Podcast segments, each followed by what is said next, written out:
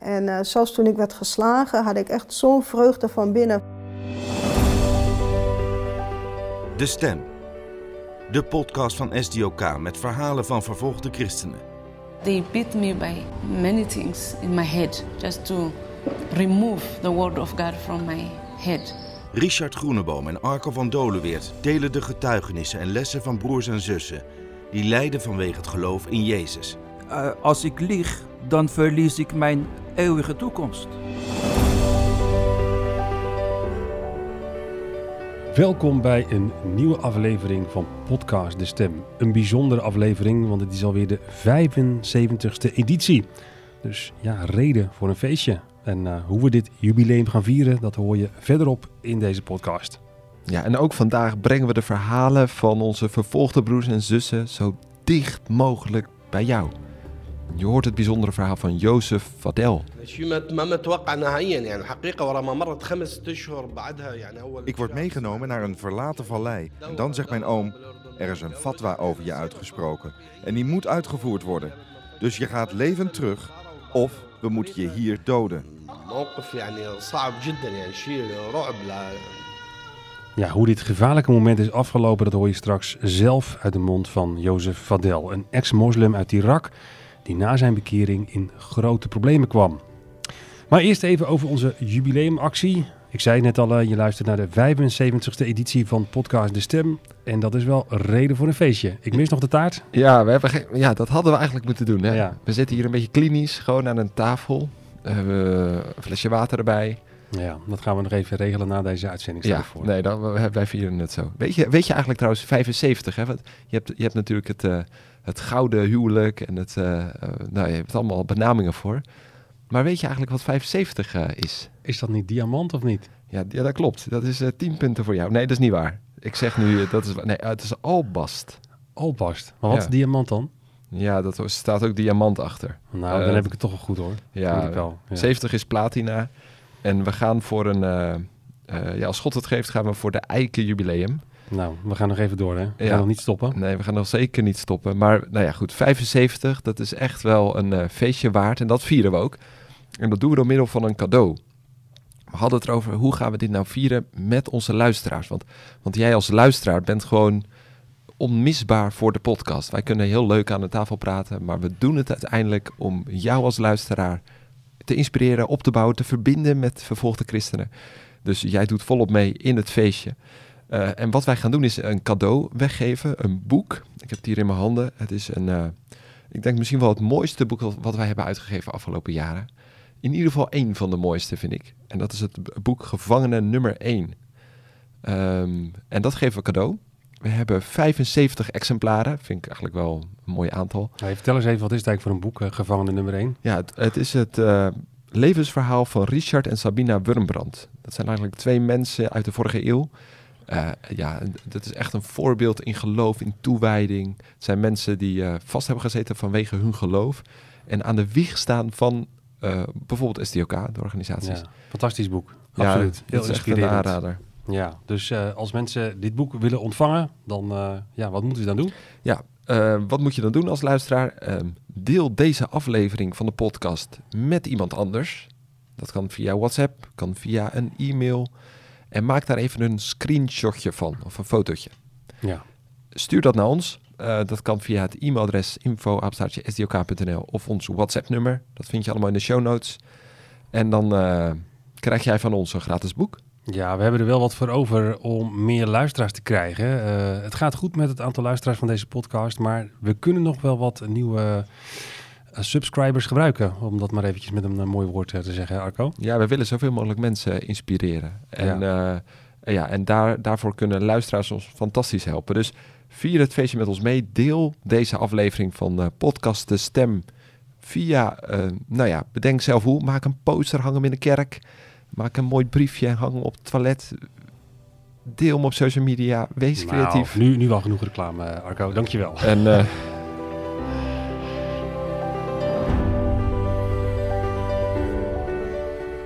nou goed, Richard, dank je. Dan gaan we nu naar uh, uh, het volgende onderdeel. Hè. We beginnen deze podcast altijd een beetje relaxed en we delen gewoon wat ons is opgevallen. Wat wil jij graag met ons delen? Ja, ik zat bij de voorbereiding eh, erg ook in mijn hoofd met een ander verhaal waar ik eh, mee bezig ben. Eh, dat is een aanleiding van een reis die ik eh, nog niet zo lang geleden heb gemaakt naar Nepal en India. En ehm, ik heb daar een gesprek gehad en daar wil ik wel iets van delen. Komt later nog uitgebreid terug, ook in deze podcast. eh, Met, eh, hij heet Pendi, een eh, vrij jonge kerel nog. Die eh, is een ex-boeddhist. Die eh, ja, als boeddhist ergens hoog in de Himalaya in de afgelegen dorpen is opgegroeid. Is uiteindelijk christen geworden. Heel bijzonder verhaal. Ex-boeddhist, als in Ja. ook e- ex-monnik-boeddhist, zeg ja, maar. echt, echt monnik. Hij Oh ja, echt als ja. monnik gewerkt, als monnik opgeleid. Ik heb een beeld van, een, van, een, van iemand met een kaal hoofd en een rode mantel. Exact, ja. Nou, zo, zo iemand, ja. dus dat is wel heel bijzonder dat zo iemand sowieso tot Jezus komt. Zeker in zijn cultuur. Ehm, maar hij heeft Jezus leren kennen en nou, God heeft hem eh, gegrepen en ook aangeraakt om het evangelie verder te gaan eh, brengen. Ook binnen zijn cultuur. Ze hebben hem uit de gemeenschap gezet. En, eh, maar ja, hij heeft daarna ook nog veel andere heftige dingen meegemaakt. Hij ging te voet uren lopen naar zijn dorp om daar het evangelie te brengen. Ondanks alle verzet. Maar op een gegeven moment heeft hij, eh, ja, heeft hij een ongeluk gekregen. Hij is met zijn eh, eh, brommer of een motorfiets uitgegleden. En heeft een dwarslesie opgelopen. Nou, heel heftig. Ehm, hij ervoer dat ook echt als een geestelijke aanval. Er is heel veel ook geestelijke strijd. En ook op dat werk. Eh, en uh, ja, hij werd precies aangevallen op zijn, op zijn benen, zijn voeten. Want hij kon niet meer naar die dorpen komen. Daar kun je, de grootste stuk kun je daar niet met de auto of met een mo- motorfiets Nee, komen. Dan nee, moet je gewoon lopen. Ja, precies. Uh, dus het was heel moeilijk, ook voor zijn vrouw en voor zijn dochter. Um, maar zelf ging hij daar heel gelovig mee om. En het bijzondere is, hij kwam toen in een revalidatiecentrum terecht. ja, want hij was verlamd, hè? Hij dat had een dwarslo- ja. dwarslesie opgelopen. Ja, ja precies. En daar zijn toen uh, binnen een jaar is van, nou, vijf of zes mensen tot geloof gekomen. Die hebben Jezus leren kennen. Die zagen zo hoe hij met zijn uh, lijden omging, met de, ja, tot met zijn ziekte. Uh, en dachten, ja, maar hoe kan dat nou? Want veel van die mensen die uh, raken zwaar gefrustreerd omdat ze niks meer kunnen. Uh, sombere gedachten. Begrijpelijk. Sombere, ja, heel begrijpelijk natuurlijk. Maar hij zag het allemaal ja, als ja, dat God daar wel een, ook weer iets mee ging doen. Zo ervoerde hij alle dingen die hij meemaakte. En goed, hij vertelde dat. En deze mensen zijn tot geloof gekomen, zijn gedoopt. En toen hij dat mij verteld had, toen zei hij... Ja, ik zeg, hoe, hoe ervaar je nou al die pijn? Want het is toch vreselijk moeilijk. Hij zegt, nou nee, hij zegt, uh, God heeft het op zo'n bijzondere manier gebruikt. Als dit het oplevert, dat als je een dwarslesie krijgt, dat het krijgt en andere mensen tot geloof komen, dan zeg ik tegen God, give me more pain.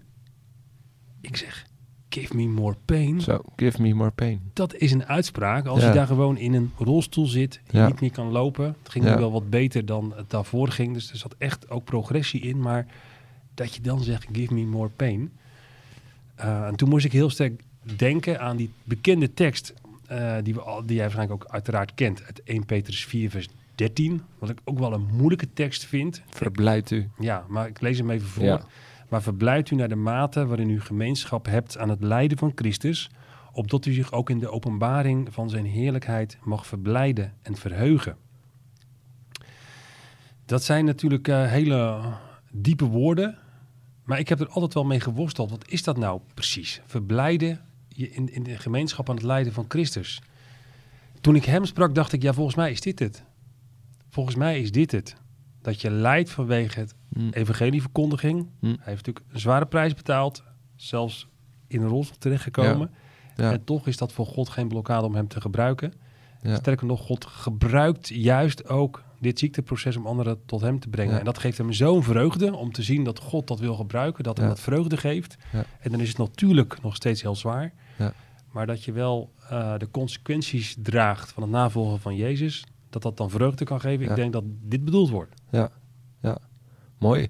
Ja, uh, ik, ik, ik heb nu de neiging om heel veel vervolgvragen te stellen. Want ja. ik, dat weet de luisteraar niet, maar ik weet ook het verhaal van zijn vrouw.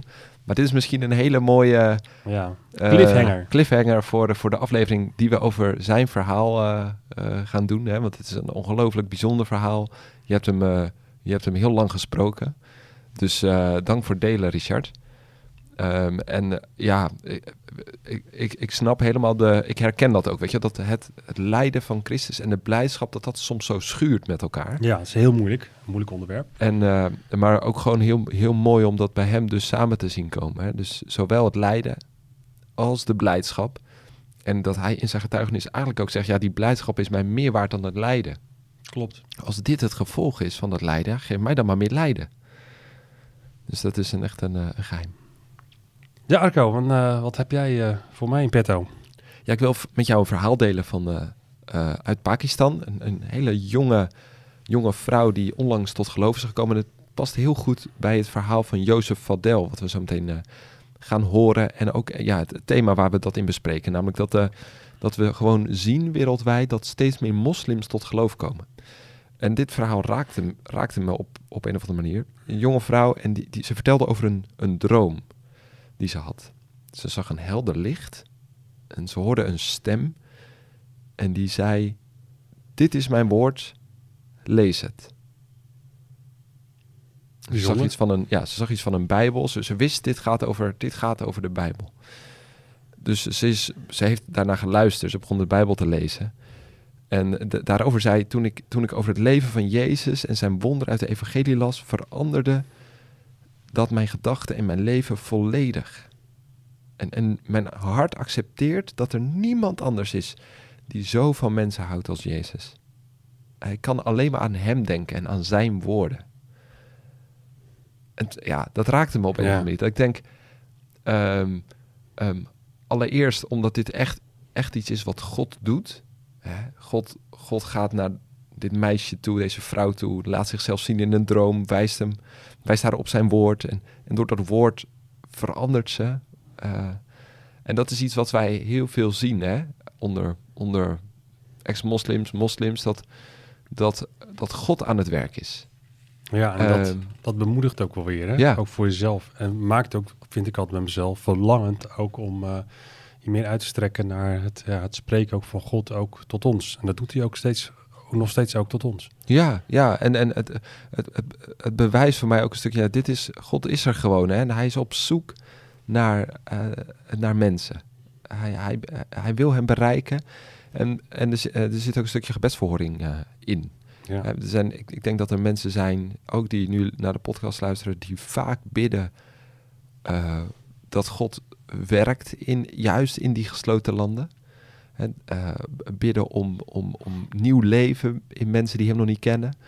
En dit is zo'n verhoring, zeg maar. Weet je wel? Dat, dat, dat, eh, dat er op ergens, ergens in de wereld God zich openbaart op een hele bijzondere manier. En dat niets hem in de weg staat. Dus zelfs al zijn het gesloten landen waar heel weinig eh, werkers zijn, heel weinig zendelingen, heel weinig bijbels, dat God gewoon zijn weg vindt. Ja, mooi. Mooi dat je dat met ons deelt. En eh, inderdaad ook een heel mooi opstapje naar het verhaal waar we nu naar gaan luisteren. Want dat sluit er heel mooi bij aan. Want dat gaat ook over ja, het spreken van God tot, tot een moslim die helemaal niet met de God van de Bijbel ehm, bezig was. Ja, we roepen al jaren op eh, tot gebed voor moslimlanden. En eh, ja, het is duidelijk, dat blijkt ook uit jouw verhaal, Arco, dat gebed wordt door God ook echt verhoord. En eh, tijdens deze aflevering gaan we ook meer inzoomen eh, op wat God aan het doen is in moslimlanden. Want steeds vaker krijgen we ook eh, verhalen te horen van moslims die Jezus leren kennen. En eh, als je de vorige podcast gehoord hebt, dan kun je je nog herinneren waarschijnlijk dat ik daar ook vertelde over de promotie van de Amerikaan Scott Gustafson. Hij deed de promotie aan de VU nadat hij onderzoek had gedaan naar bekeringen van extremistische moslims uit het Midden-Oosten. En wat bleek, bij die bekeringen speelden ontmoetingen met christenen vaak een hele grote rol. En eh, dat blijkt ook uit het verhaal waar we het vandaag over gaan hebben. Namelijk het verhaal van de Irakees Jozef Vadel. Hoewel hij aanvankelijk helemaal niets van het christelijk geloof moet hebben, is een ontmoeting met een christen tijdens militaire dienst het begin van een complete verandering in zijn leven. Nou, hoe dat precies is gegaan, dat vertelt hij zelf. يعني الحقيقة لحظة رعب يعني مش يعني شيء ما ما متوقع نهائيا يعني الحقيقة ورا ما مرت خمس أشهر بعدها يعني أول Ik word meegenomen naar een verlaten vallei buiten de Jordaanse hoofdstad Amman. Mijn broers dringen erop aan dat ik weer meega naar Irak. Maar ik weiger. En dan zegt mijn oom, er is een fatwa over je uitgesproken en die moet uitgevoerd worden. Dus je gaat levend terug of we moeten je hier doden. موقف يعني صعب جدا يعني شيء رعب لا De Irakees Jozef Fadel herinnert zich als de dag van gisteren dat hij oog in oog staat met zijn familie in een verlaten Jordaanse vallei. Meerdere kogels vuren ze op hem af en hij weigert het christelijk geloof af te zweren en het moslimgeloof weer aan te nemen. Hij ziet het als een wonder dat hij nog leeft en het verhaal kan navertellen. Een indringend verhaal dat begint in 1987 als hij in militaire dienst gaat. In die tijd is hij overtuigd moslim met de islamitische naam Mohammed al-Moussawi. Hij is lid van een vooraanstaande Iraakse familie die rechtstreeks afstamt van de profeet Mohammed. يعني الحقيقة أنا كنت مسلم متشدد للإسلام يعني مش متعصب بالصيغة اللي الآن مثلا Toen ik voor het eerst naar de kazerne ging om mijn dienstplicht te vervullen, werd ik door een soldaat naar mijn slaapkamer gebracht. Die vertelde mij dat ik bij een christen op de kamer zou komen, met de naam Massoud.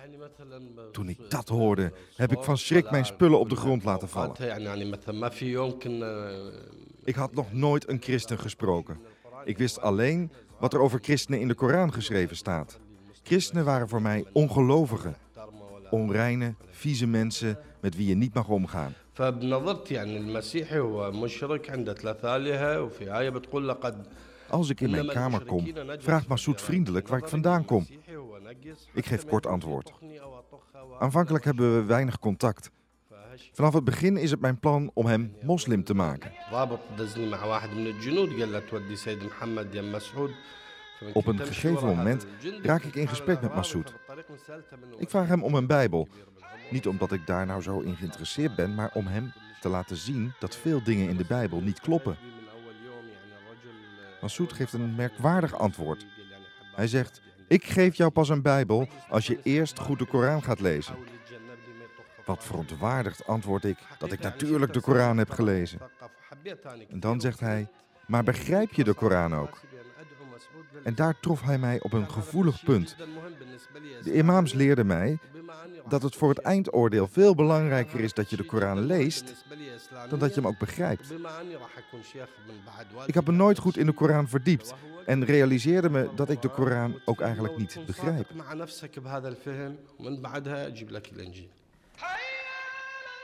Fadel neemt de uitdaging aan en neemt vier maanden de tijd om zich grondig in de Koran te verdiepen. Hij leest ook andere islamitische geschriften en boeken over het leven van de profeet Mohammed. Ik las teksten in de Koran die de vrouw heel duidelijk vernederen. Ze worden afgeschilderd als inferieure schepsels die de helft hebben van wat de man heeft. De helft van de hersenen, de helft van het verstand. Bij een rechtszaak telt het getuigenis van een vrouw voor de helft van wat een man zegt. Ook lees ik dat een man op seksueel gebied alles met een vrouw mag doen, waar en wanneer hij maar wil. Ik lees in de Koran: De vrouwen zijn een werkkamp voor u. Ga ermee om zoals u goed dunkt. Ik kan me moeilijk voorstellen dat God een vrouw zo vernedert. Ik lees van Mohammed dat hij een meisje van zeven jaar heeft getrouwd dat hij zelfs de vrouw van zijn zoon heeft afgepakt en met haar getrouwd is. Toen ik over al deze dingen serieus ging nadenken, kwam ik tot de conclusie dat zo iemand nooit profeet kan zijn. Door zijn onderzoek naar de Koran en de islamitische geschriften raakt Fadel zijn motivatie om zijn kamergenoot op de kazerne te bekeren tot de islam helemaal kwijt. Hij krijgt steeds meer een afkeer van het geloof waarmee hij is grootgebracht. Op een gegeven moment krijgt Fadel een droom waarin hij Jezus ziet die een hand naar hem uitsteekt. Jezus noemt zichzelf in die droom het brood van het leven. Fadel heeft geen enkel idee wat dat betekent. Brood van het leven. Mijn contact met Massoud was hechter geworden. Op de dag nadat ik die droom had gehad, heeft hij mij een Bijbel gegeven. En toen ik de Bijbel opensloeg, begon ik zomaar ergens te lezen. En tot mijn verbazing las ik een Bijbelgedeelte waarin Jezus zichzelf het brood van het leven noemt. Dit had ik ook in mijn droom gehoord. Ik ben me meer in de Bijbel gaan verdiepen en dit heeft ertoe geleid dat ik uiteindelijk christen ben geworden. In de Bijbel las ik over liefde. In de Koran was ik dat nog nooit tegengekomen. Daar lees je alleen over haat, moord en vergelding.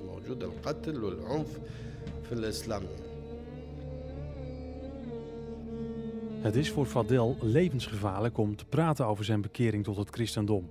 Op geloofsafval staat namelijk de doodstraf. Om die reden zwijgt hij.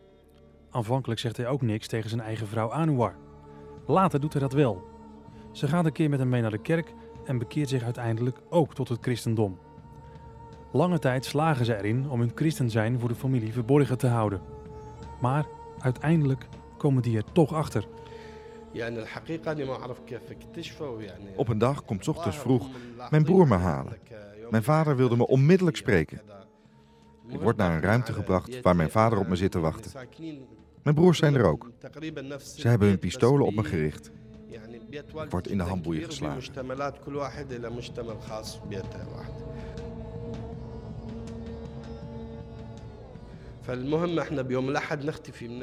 Mijn vader zegt, Nog nooit is het in onze familie voorgekomen dat iemand van Shiït Soeniet is geworden. Laat staan dat er iemand christen is geworden. Hoe kan ik dit aan de buitenwereld uitleggen? Een van mijn broers stelt voor om me naar Ayatollah Mohammed Sadr te brengen in Najaf, zodat die een vonnis over mij kan vellen.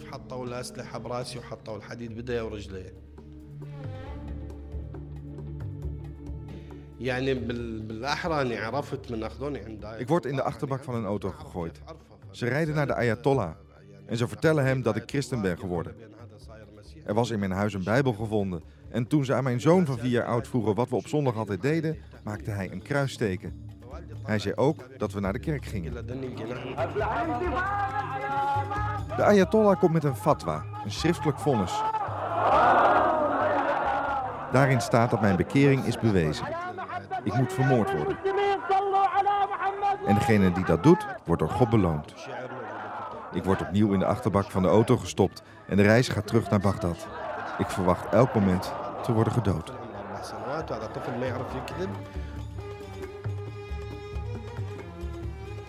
De oom van Fadel werkt bij de Iraakse geheime dienst en zorgt ervoor dat hij achter de tralies belandt. Hij wordt onder druk gezet om de namen te noemen van christenen met wie hij contact heeft. Omdat hij weigert iets los te laten, wordt hij drie maanden achtereen gemarteld. Na 16 maanden wordt hij weer vrijgelaten. Als hij weer thuis komt, houdt zijn vader hem constant in de gaten. Toch probeert hij na enige tijd weer met zijn vrouw naar de kerk te gaan. We verzinnen een list. We doen alsof we een grote ruzie hebben. Mijn vrouw, Anouar, doet net alsof ze heel boos op me is. Ze loopt geregeld kwaad het huis uit. En vervolgens moet ik haar wat later, zogenaamd, met de auto weer op gaan halen bij haar moeder. In werkelijkheid pik ik haar ergens op en gaan we samen naar de kerk. Omdat het bezoek van Fadel en zijn gezin aan de kerk grote risico's met zich meebrengt, dringen Iraakse christenen erop aan dat het gezin naar het buitenland vlucht. In het diepste geheim slaagt het gezin erin om naar Jordanië te vluchten. Daar worden ze door lokale christenen opgevangen. Maar ook daar is de kust niet veilig. De familie van Fadel doet er alles aan om het gezin op te sporen. En op een dag slagen ze daar ook in.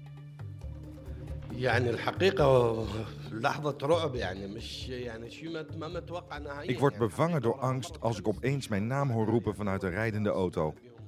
Het zijn mijn oom en vier van mijn broers. Ik dacht veilig te zijn in Jordanië. Ze zijn me toch op het spoor gekomen.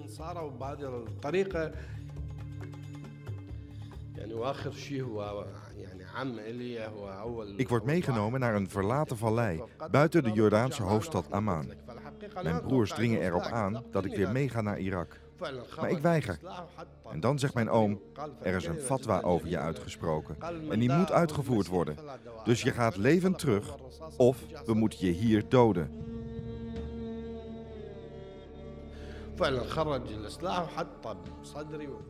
Als ik blijf weigeren, zegt hij, als Jezus je ziekte is, is er geen medicijn voorhanden. Hij schiet meerdere kogels op me af. Wat er daarna gebeurde, is nog steeds een mysterie voor me. Uren later wordt Fadel in een ziekenhuis wakker. Hoewel er meerdere kogels op hem zijn afgeschoten, is hij niet ernstig gewond. Alleen zijn kuit is geraakt. Na enkele dagen mag hij het ziekenhuis verlaten. Met behulp van Jordaanse christenen lukt het Fadel om uiteindelijk een verblijfsvergunning te bemachtigen voor Frankrijk. Op 15 augustus 2001 vliegt hij met zijn gezin naar Parijs. Daar beleeft het gezin een paar rustige jaren. Totdat vorig jaar in Frankrijk het boek van Fadel uitkwam, waarin hij zijn levensverhaal vertelt. Al snel wordt hij weer bedreigd, maar nu door Franse moslims. يعني الحقيقة وراء الم- وراء الكتاب سويت لقاء كان لقاء صحفي Ik heb het مع- meegemaakt dat ik 's ochtends om 5 uur werd gebeld. Moslims lieten via de telefoon de oproep tot gebed horen of lazen Koranteksten voor. Op een gegeven moment zei een sheik tegen mij: Als je zo doorgaat, vermoorden we je. كالعادة أروح أحكي مع المسلمين Het gebeurde ook dat er s'nachts bij me aan de deur werd aangebeld. Op een gegeven moment moesten we zelfs verhuizen. Mijn familie in Irak weet niets van het boek dat ik heb geschreven. Met een broer heb ik af en toe nog telefonisch contact. Ik bel dan met een afgeschermd nummer, zodat ze niet kunnen zien waar ik zit. Het zijn korte gesprekken. Ik heb tien broers en tien zussen. Ondanks wat er is gebeurd, wil ik wel weten hoe het met de familie gaat. Het blijft toch mijn familie.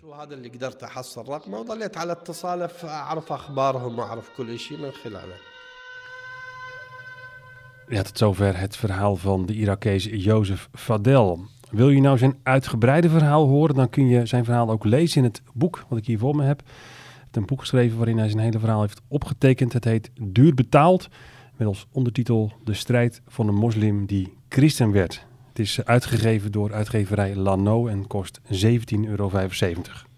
Ja, weet je, wat mij opvalt in het verhaal van Jozef is dat de tegenstand op zijn geloof gewoon gigantisch is. Hè?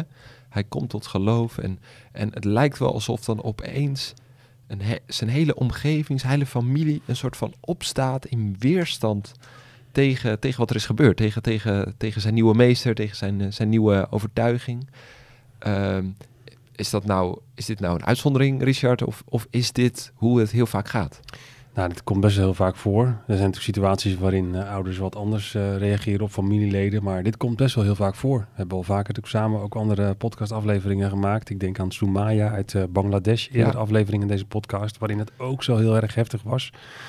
Maar het kan soms heel ver gaan. Ik heb de afgelopen jaren al best wel heel vaak ex-moslims geïnterviewd. Ik kan me nog heel goed herinneren dat ik in Egypte was en dat ik een vrouw daar sprak. Die ook na een lange zoektocht uh, christen was geworden. Um, en dat de familie zei, ja, je bent psychisch gestoord. En die gingen ook met haar naar een psychiatrische inrichting. En er werden dokters bijgehaald, psychiaters. En die deden een onderzoek en die kwamen met een lijvige rapport. En zeiden, ja, uh, deze vrouw is gewoon uh, echt gek. Zo. Psychisch gestoord. Was een Ja. hele intelligente dame. Ja. Dus die uh, kreeg pillen, werd opgesloten en noem maar op. Ja. Zover kan, kan, kan dat gaan. Uiteindelijk is ze gevlucht en ja. Was ook een van de vrouwen die we ook als SDOK ondersteunen. En uh, ja, het was mooi om te horen dat ze daar nu helemaal uit bevrijd was. Maar het kan heel ver gaan. Ja, en, en wat, wat bij Jozef, wat je in Jozefs situatie eigenlijk ziet, is dat het onthoud, onhoudbaar is om te blijven waar die is. Eh, en dat zien we best wel vaak eigenlijk, hè? Ja. Dat, dat, eh, ik, ik denk bijvoorbeeld aan Afghanistan, dat is een land waar we afgelopen jaren veel hebben gezien. Maar er zijn ook heel veel andere landen waar, waar, waar moslims, eh, of ex-moslims, sorry, die, die, die, eh, ja, die, dan is de optie blijven eigenlijk, eigenlijk niet meer aanwezig. Nee, het is gewoon te levensbedreigend. Klopt, ja. Dat, uh, dat horen we heel vaak. Ja, en, en, en dat is ook denk ik wel belangrijk om in, in mee te nemen in dat hele verhaal. Hè? Want wij steunen ex-moslims. Um, en, en het is heel lastig om, om dan... Uh, soms willen mensen graag weg uit het land. Soms willen ze blijven. Hoe gaan we ermee om? Nou, het is bij ons natuurlijk als SDOK wel altijd de stelregel dat we mensen, zolang dat kan, zeg maar, in het land helpen waar ze zijn. Hè? Uh, dat is ook de visie van, van SDOK. Hè? Daar mensen ondersteunen waar ze zijn. Dus niet om mensen te helpen om het land uit te komen. Maar er zijn, kunnen natuurlijk situaties zijn waarin dat on, onhoudbaar is. Um, maar wij richten ons wel in onze hulp om mensen binnen het land zelf te helpen. Ja. En dat, uh, dat doen we best wel op heel veel uh, verschillende manieren. Ik heb daar zelf ook best wel heel veel van gezien in verschillende landen. Vaak uh, is het zo dat mensen dan binnen zo'n land regelmatig van locatie moeten wisselen. Dus dan helpen we ze om ze ja, telkens weer naar een andere plek te verkassen. Ja, dus dat is eigenlijk een manier waarop we omgaan met die, met die druk. Ja, precies. Dus echt zorgen voor veilige opvang. Ja, een soort, uh, zo, zo heet het dat met, uh, met een Engels woord, safe houses. Dat zijn gewoon wel huizen op veilige plekken waar mensen dan een tijdje kunnen blijven. Maar het gebeurt regelmatig dat dan die familie dan toch weer erachter komt waar deze mensen zitten. Dan moeten ze opnieuw verhuizen naar de volgende plek. Het kan zomaar zijn dat je drie tot vier keer per jaar naar een andere plek moet. Uh, dan moet je ook weer meubels uh, verplaatsen. Um, nou, je moet je ook voor kunnen, je, moet je, je kunt je voorstellen dat mensen vaak ook hun baan kwijtraken. Ja. Want ze kunnen niet meer naar hun reguliere werkgever. Ja. Want dan weten ze natuurlijk ook waar zo'n persoon zit. Dus we proberen ook financiële ondersteuning te geven voor gezinnen. Uh, ook een stuk pastorale hulp. Hè. Mm. Dat heeft ook psychisch best wel heel veel impact. Pastoraal, mensen zijn net tot geloof gekomen, hebben vaak nog niet zoveel kennis, Ja. hebben heel veel geloofsvragen. Uh, een ander praktisch ding is ook gewoon uh, kinderen die naar school gaan. Hè. Ja. Vaak is dat ook lastig. Kinderen kunnen niet meer naar school. Nee. Want ook als dat bekend wordt, dus uh, daarin proberen we ook een stuk nou ja, hulp te geven. Ook medische hulp als dat nodig is. En ja, ook die hele geestelijke pastorale kant is ook wel, wel heel belangrijk. Zodat ze echt groeien ook in hun geloof. En ja, ook ervaren dat ze er niet alleen voor staan. Ja, ja die, die gemeenschap hè, van de, de, de we zeggen wel tegen elkaar vaak, de vijand wil heel graag isoleren. Precies. En die wil heel graag dat je als gelovige op een eilandje komt. En, en denkt, joh, ik sta er alleen voor. En daar zijn die pastorale gesprekken heel belangrijk voor. Maar daar zijn bijvoorbeeld ook de bezoeken die we als SJK brengen. Uh, samen met bemoedigende kaart uit Nederland ontzettend belangrijk voor. Hè? Kijk, uh, jij deelt uh, veel vaker nog kaart uit dan ik. Jij, jij ziet steeds opnieuw het effect daarvan. Absoluut. En ik ben al vaak ook in moslimlanden geweest waar mensen daar vaak echt tranen in hun ogen krijgen en zeggen ongelooflijk dat er um, christenen zijn aan de andere kant van de wereld die aan mij denken. Terwijl ik soms eens denk, oh ja, een kaartje, weet je wel. Ja, wat stelt het voor? Nou? Wat stelt het voor? Maar ja ja, de impact is groter dan je, dan je denkt. Ja, ja dat, hoe belangrijk het is hè, als je zo geïsoleerd zit om te ontdekken. Want dat is eigenlijk vaak een eerste ontdekking. Dat, dat de kerk buiten je eigen landsgrenzen actief aan je denkt en voor je bidt ja. en offers voor je brengt. Ja, dus hierbij ook weer een oproep om uh, ook ja, daar dan mee, mee te doen. Kaart te schrijven op onze website kun je ook meer lezen over de mogelijkheden om uh, op deze manier betrokken te zijn op vervolgde broers en zussen. Ik zat net te denken toen we zaten te praten dat het risico is van dit soort type uitzendingen dat je ook wel een beetje een negatief beeld zou kunnen krijgen van uh, moslims. Hè. Mm. We maken natuurlijk best wel regelmatig uitzendingen over ja, ex-moslims die heel veel ellende maken, te, met heel veel ellende te maken krijgen vanuit hun eigen familie. Terwijl tegelijkertijd ook de Bijbel ons voorhoudt dat we onze vijanden moeten lief hebben. Uh, maar het kan zomaar kunnen zijn dat je liefde nou niet erg groter wordt voor moslims, hè, Arco, als je dit soort verhalen hoort. Nee, en, dat, en dat is, daar willen we voor waken. Um, want want uh, we, we, willen, dat is ook wat de Bijbel ons leert, uh, houden van iedereen. Uh, en en uh, een echte mens zien. Niet, niet, niet, een, niet een beeld of religie of een, of een, of een terrorist, maar echt de, de mens zien. Dat leren we eigenlijk zelf ook van onze vervolgde broers en zussen. Die ondanks die vijandschap, ondanks die tegenstand, steeds opnieuw zeggen: nee, maar ik hou van ze zij zijn mensen en zij hebben het evangelie van Jezus net zo hard nodig als jij en ik. Dus dat is, dat is, dat is iets wat, uh, wat ontzettend belangrijk is om te benadrukken. Um, en, en gebed is daar een heel mooi middel voor. Hè? Door, door te bidden gaan we ook van mensen houden. Ja, en uh, toch zit er een bepaalde dubbelheid in. Hè? Want uh, als je ziet wat er wereldwijd door extremistische moslims ook gebeurt, die christenen vermoorden en noem maar op. Ja. Ja, we hebben toch ook gewoon een overheid die, die daartegen moet optreden. Hè? We denken wat er nu in Nigeria allemaal gebeurt uit naam van de islam en andere ja. moslimlanden. Daar zit ja. toch ook wel een... Ja, en dat, dat, dat is een andere weg. Dat mag ook, je mag ook recht doen waar onrecht gebeurt. Dus dat, Ja. is, dat is niet of-of. Ehm, Dus maar het kan naast elkaar bestaan. het kan hè? zeker naast elkaar bestaan. En wat ook wel echt belangrijk is om te beseffen, is dat niet elke moslim hetzelfde is. Ehm, eh, ja, er is heel veel extremisme in naam van de islam. Er zijn ook heel veel moslims die zich daar weer van distancieren. Ehm, en wat ik bij mezelf heb gemerkt, is dat ik toch door de verhalen soms een beetje eh argwanend naar moslims kijk. Ehm, eh, en ik weet niet, ik denk niet dat dat goed is. Ik denk dat het goed is om, om iedereen in liefde eh, te, te benaderen. Ook in Nederland. Hè. Kijk, in Nederland zien we ook het aantal moslims enorm toenemen. Ja. Ehm, eh, zeker de afgelopen jaren. Ehm, eh, moslims die uit andere landen zijn gevlucht vanwege oorlogen. Ehm, eh, dus, dus ook in Nederland zien we steeds meer moslims. Heb jij, ik weet niet of jij moslims in je omgeving hebt wonen, buren of. Nou, niet direct mijn buren, nee, nee. Nee, dus, ehm, maar dat is natuurlijk ook wel de vraag. En ik denk dat heel veel mensen dat wel zullen, zich zullen afvragen die nu ook luisteren. Denken, ja, weet je, ik weet het wel, ik zie het op het journaal en ik lees erover. Maar ja, ik heb niet echt heel veel moslims misschien in mijn directe omgeving. Wat kun je er nou aan doen om eh, ja, toch meer in contact te komen met die mensen? En je misschien meer liefde hebben waar jij ook net zo de nadruk op legt. Nou ja, dat is echt weet je, wat, wat, wat heel belangrijk is, is en, en daar kunnen we misschien ook naar de luisteraars toe wat tips indelen. Ehm, het begon bij Jozef Vadel ook met de ontmoeting met een christen die hem een soort van verraste. Ehm, en dat moeten we niet onderschatten, denk ik. Wat, wat we als christenen kunnen uitstralen door onze Heer Jezus. Door, door lief te hebben, door de kleine gebaren van, van vriendelijkheid. Ehm, eh, dat is denk ik een heel, heel belangrijk. ehm, dus, dus mensen, moslims, niet met angst te benaderen of met argwaan, maar gewoon met liefde, met openheid. Eh, gewoon contact te maken. En je gaf net ook wel aan- zelf aan dat je dat best wel lastig vindt. Hè? Hoe ben je zelf over die eh, drempel heen gekomen? Heb je Ehm, nu... Nou, door, door je te verdiepen. Dat is, dat is één. Van joh, hé, maar wat, wat, ehm, wat vinden, wat, wat, hoe kun je contact maken? eh, met, met, met bijvoorbeeld een, de, in, de, in, de, in onze buurt woont een gezin uit Syrië. Hoe kun je contact maken?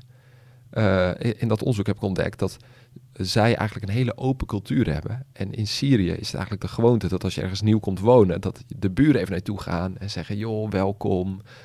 Dat doen de buren, dat hoef je niet zelf te doen. Dat is altijd iets wat de gemeenschap voor je doet. Ja, en toen dacht ik: oké, eh, dat is in Nederland natuurlijk wat minder gewoon. Eh, nou, maar dan even de drempel over en gewoon een taart brengen. Oh, heb je ook gedaan? Nou ja, en, en of, of met suikerfeest, weet je. Onze achterburen die vieren suikerfeest. Nou, gaan we iets brengen. Leuk. En dan word je uitgenodigd en mag je even, even meekletsen en meepraten. Dus het, je kunt gewoon een, gewoon een relatie starten. Wat je, wat je gewoon met andere buren of andere mensen ook zou doen. Dat is gewoon, dat is gewoon een, heel, een heel belangrijk ding. En wat daar ook echt belangrijk en goed is, is dat moslims houden ervan om over God te praten. Dat is helemaal niet een beladen onderwerp. In, Nederland is dat een beetje een beladen onderwerp. Hè? Van eh, eh, je gelooft, eh, dan ben je een beetje gek. Of nee, dat vinden moslims helemaal niet gek. Ze vinden het heel logisch dat je het daarover hebt. Ja. Ehm, Maar over Jezus praten is dan wellicht weer wat ingewikkelder. nee, ja, nee. eh, Ja, ze kennen hem natuurlijk wel als een profeet, Ja. maar niet als, eh, nee, ja, als eh, God. Nee, precies. En wat, wat, dan, wat, wat, wat goed is om ook wel te weten, is dat heel veel moslims in Nederland of ergens anders zelf niet echt studie hebben gedaan naar islam, maar heel vaak dingen napraten. Pas was er iemand bij mij op bezoek en die, eh, ehm, eh, die wilde me iets verkopen. En eh, nou goed, we raakten aan de praat. Hij bleek moslim te zijn. En hij stelde ook zo'n vraag. Dat wist ik toen nog niet, dat dat zo'n standaardvraag was. Maar bijvoorbeeld, ze, geloven allemaal dat de Bijbel vervalst is. Hè? In, in eh, wat de tweede, derde eeuw zijn er vervalsers geweest en die hebben de Bijbel vervalst. En daarom is Mohammed, heeft Mohammed die openbaringen gekregen. Nou, het is heel, heel goed om dat te weten. En ook hoe je dat gewoon kunt, nou ja, hoe je daarop kunt antwoorden. En zo zijn er een aantal andere dingen die moslims allemaal van christenen te horen krijgen, die je heel makkelijk zou kunnen weerleggen. Ja. Eh, drie eenheid is een onderwerp. Ehm, de godheid van Jezus. Uh, mensen zeggen, joh, laat eens zien waar Jezus heeft gezegd dat hij God is. Ja. Nou, Nou ja. mooie, mooie suggesties. En er worden ook wel eh, cursussen gegeven door de, de organisatie Evangelie eh, en Moslims. Ja. Dus eh, nou, misschien ook om daar eens eh, naar te kijken.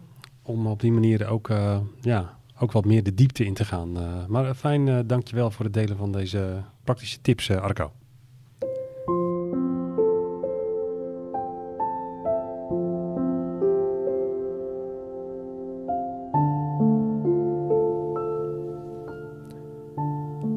Elke aflevering sluiten we af met een kort moment van reflectie. Een vraag of een gedachte om je te helpen om deze aflevering handen en voeten te geven in je eigen leven. En vandaag een vraag. Ken jij een moslim in jouw omgeving? Misschien een van je buren, een collega of iemand die je af en toe ontmoet? En op welke manier zou jij in contact kunnen komen? Hoe zou je de liefde van Jezus kunnen laten zien?